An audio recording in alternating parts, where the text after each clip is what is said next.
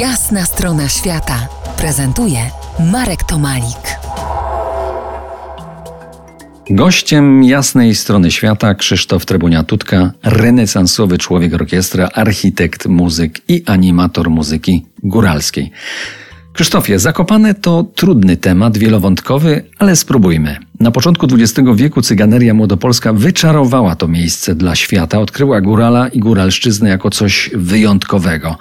Sto lat później, czyli teraz, jesteśmy świadkami grzęźnięcia mitu tego, tego upadku. Zgodzisz się? Myślę, że to miasto jest moim miejscem urodzenia, jest obecnie miejscem zamieszkania od wielu lat.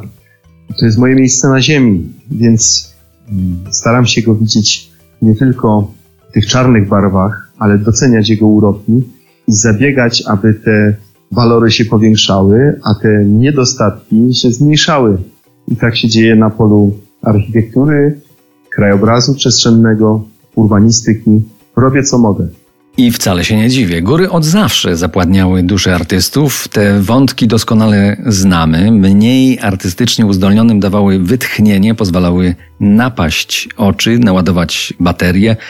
To chyba też się zmieniło, ewoluowało w taki trochę e, patchwork. Chyba troszeczkę jest inaczej niż było kiedyś. Bywa tak, że idealizujemy dawne czasy, ale przede wszystkim chcielibyśmy, aby ta przyroda wspaniała, taczańska, dominowała jednak nad nie zawsze najładniejszą architekturą, nad tym, co człowiek tworzy, czego potrzebuje do życia, nad tym krajobrazem zurbanizowanym, aby ciągle to wyjątkowe miasto, Zakopane, które tak naprawdę no jest wsią, która rozrosła się wielki kurort, trochę w sposób chaotyczny, która z tych polan taczańskich, wypasowych zamieniła się po prostu we współczesne miasto pod Tatrami aby nie zaprzepaścić tego, co wypracowali nasi ojcowie.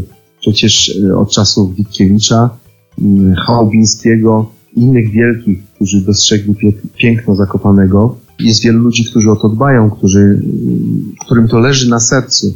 I to są zarówno górale, zakopiańczycy, jak i ludzie ze wszystkich stron świata, którzy zachwycili się Zakopanem i próbują coś y, robić, jakoś wpłynąć na władze samorządowe, na wszystkich, od których zależy, jak to Zakopane będzie wyglądać. Czy będzie tą stolicą kultury, czy będzie nas zachwycać architekturą, muzyką, sztuką, również tą tradycyjną, góralską, czy będzie tylko takim zwykłym miastem, jak wiele innych na świecie.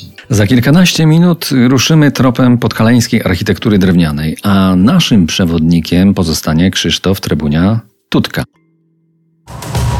To jest jasna strona świata w RMS Classic.